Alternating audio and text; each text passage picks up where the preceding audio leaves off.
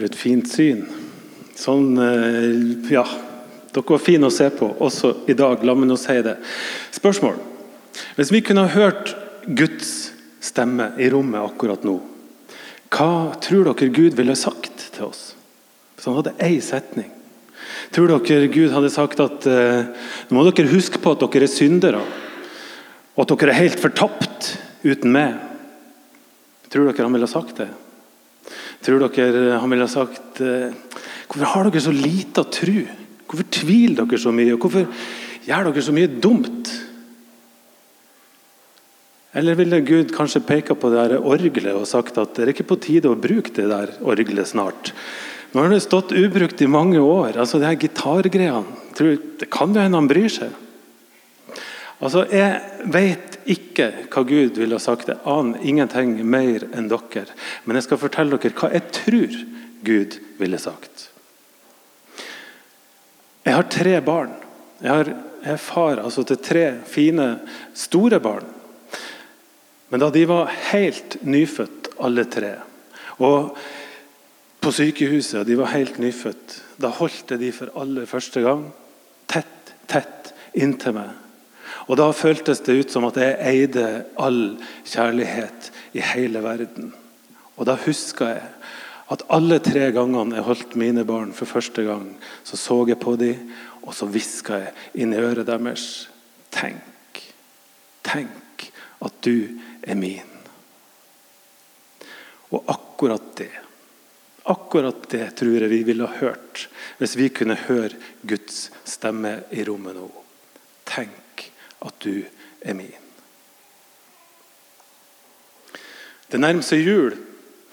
Og jeg skal gjenta et bilde som jeg fortalte på julegudstjenesten vi hadde i fjor. Det er en kollega og venn av meg som heter Andreas Hegertun. Han jobber i ei lita kirke i gata her. Philadelphia heter den. Og Jeg har stjålet dette her som jeg skal si nå ifra han, og jeg har gjort det uten noen form for dårlig samvittighet. Fordi dette bildet det hjelper meg til å få et slags overblikk, et slags oversiktsbilde over hva julas budskap dreier seg om.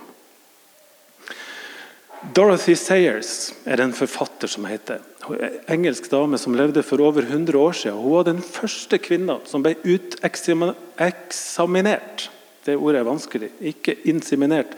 Eksaminert fra, fra universitetet i Oxford. Altså, dette er ei smart dame. I tillegg så skrev hun masse krimbøker.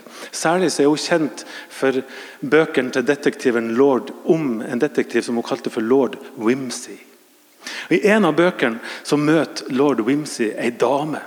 Og Denne dama er da den første kvinna i verden som er uteksaminert fra Oxford. og I tillegg så skriver hun krimbøker. Skjønner dere? Dorothy Sayers har skrevet seg sjøl inn i romanen sin, inn i fortellinga. For det som hadde skjedd er at Hun hadde sittet på avstand og så hadde hun beundra universet som hun har skapt. Og så har hun blitt helt forelska i denne funksjonsfiguren lord Wimsey. Og så skrev hun seg sjøl inn i romanen, sånn at de to kunne være sammen. Og I boka så faller de to for hverandre. De løser masse mysterium sammen.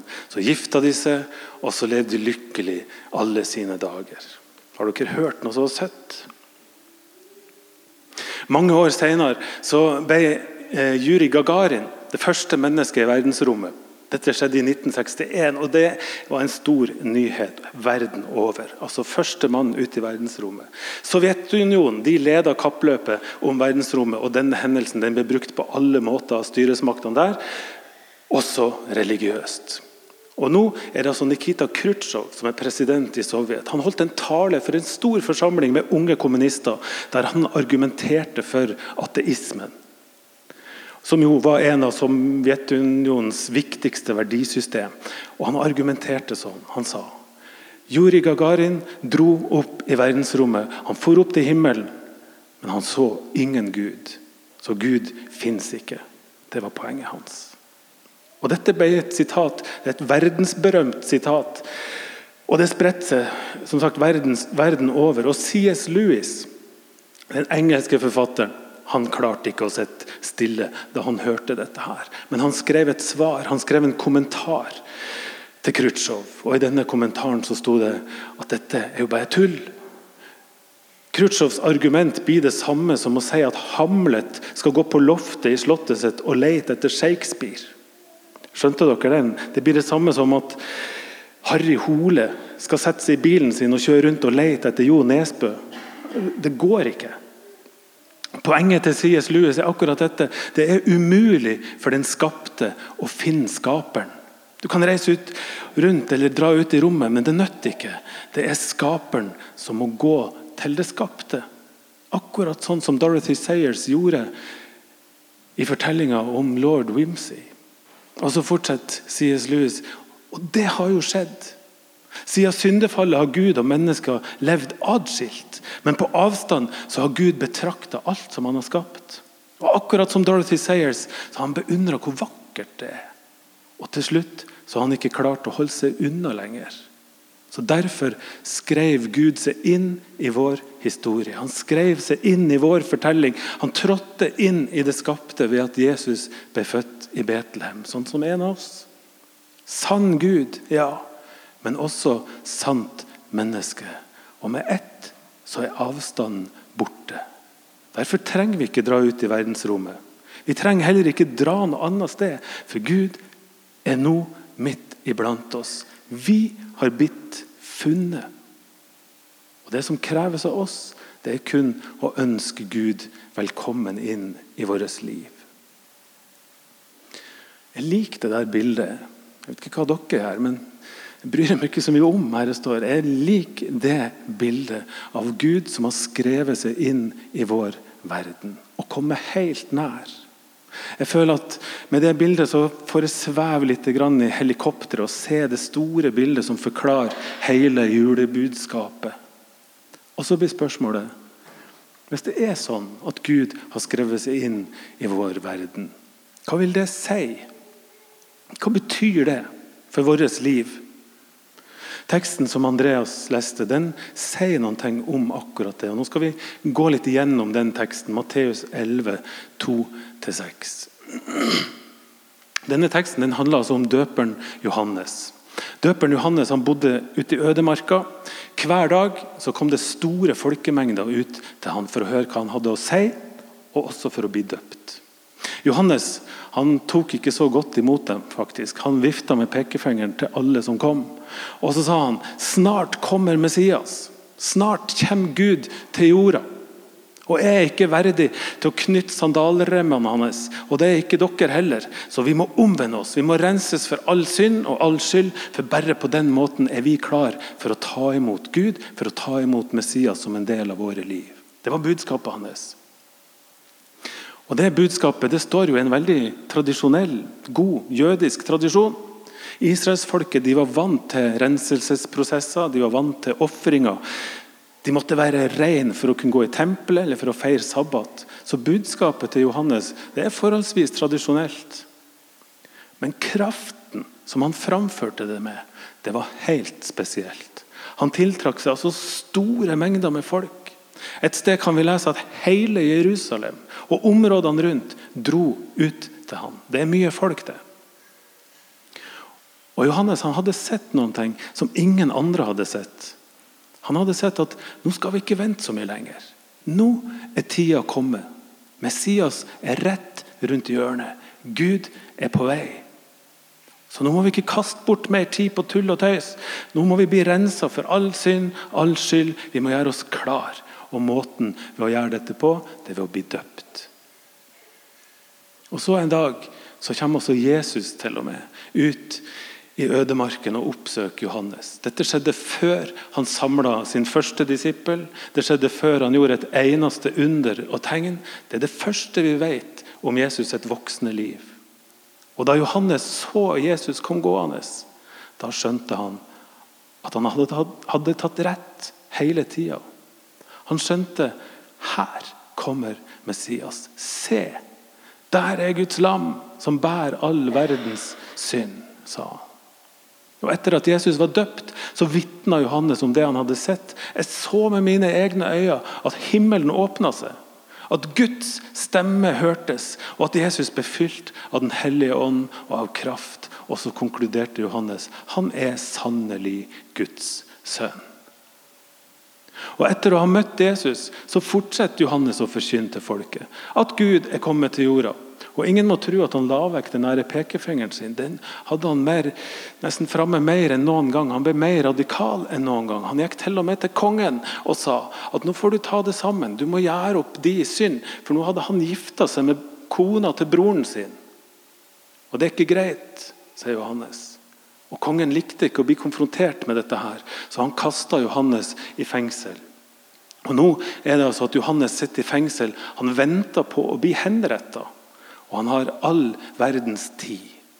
Tid til å tenke. Har jeg gjort det rette? Tenk hvis alt ikke er sant. Tenk hvis Jesus ikke er Messias likevel. Det er dette som er bakteppet for teksten som Andreas leste. Johannes sitter altså i fengsel. Der får han høre om alt som Jesus gjorde. Der starta vår tekst.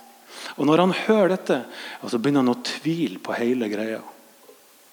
Så det han gjør, det er at han sender disiplene sine av gårde til Jesus for å spørre han rett ut. Er du den som skal komme, eller skal vi vente en annen en? Og Dette har mange lurt på. Hvorfor begynte Johannes å tvile på sine siste dager? Ja, Det vet ikke jeg.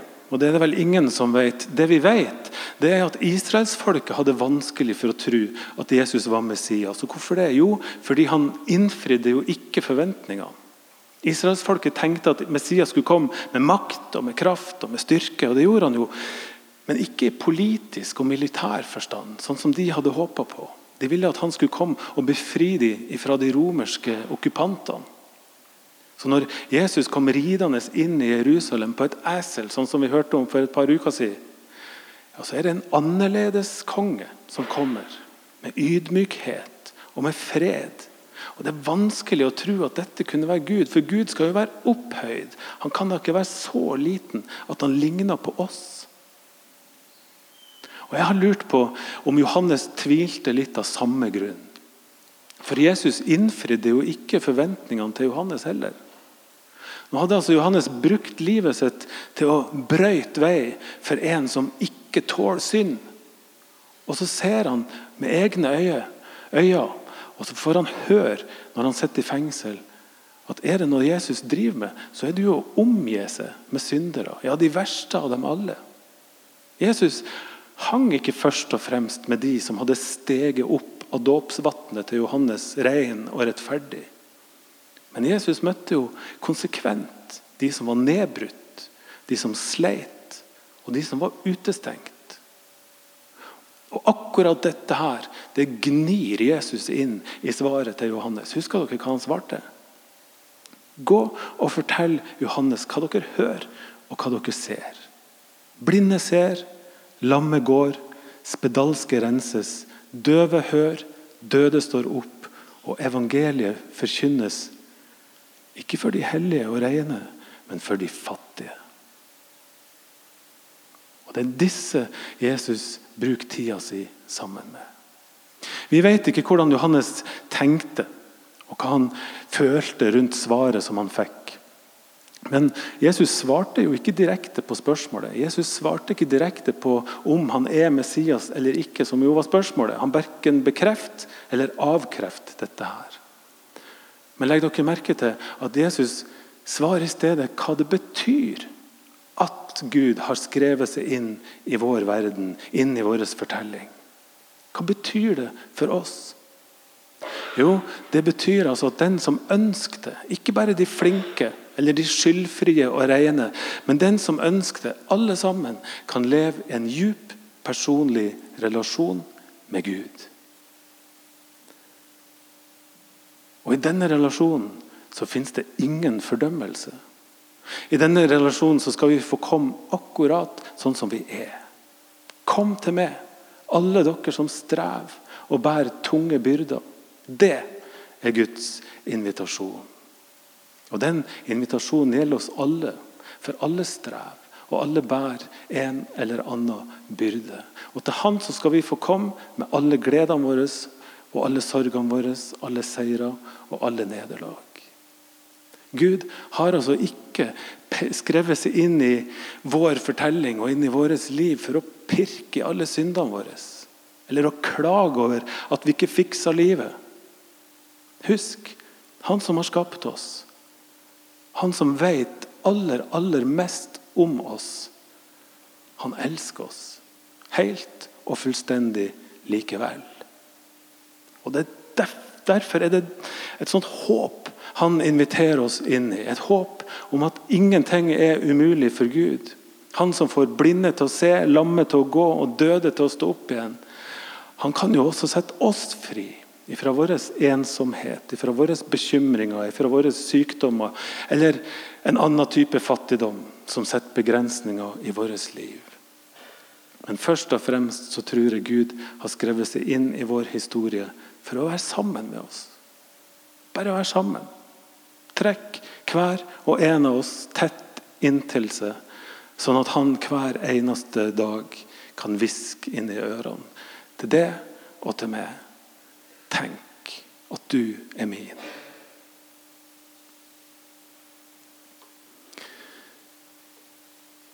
Helt til slutt. Det er snart jul, og den siste tida her i Kraftverket så har vi hatt litt fokus på hvordan skal vi få øye på Gud.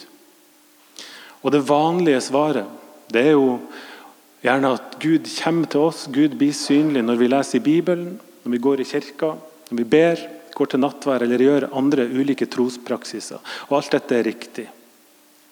Vi har også snakka om at Gud alltid er til stede der det er lidelse. Fordi Gud ønsker å være med og bære våre byrder. Og så har vi snakka om at Gud er alltid til stede der det er kjærlighet.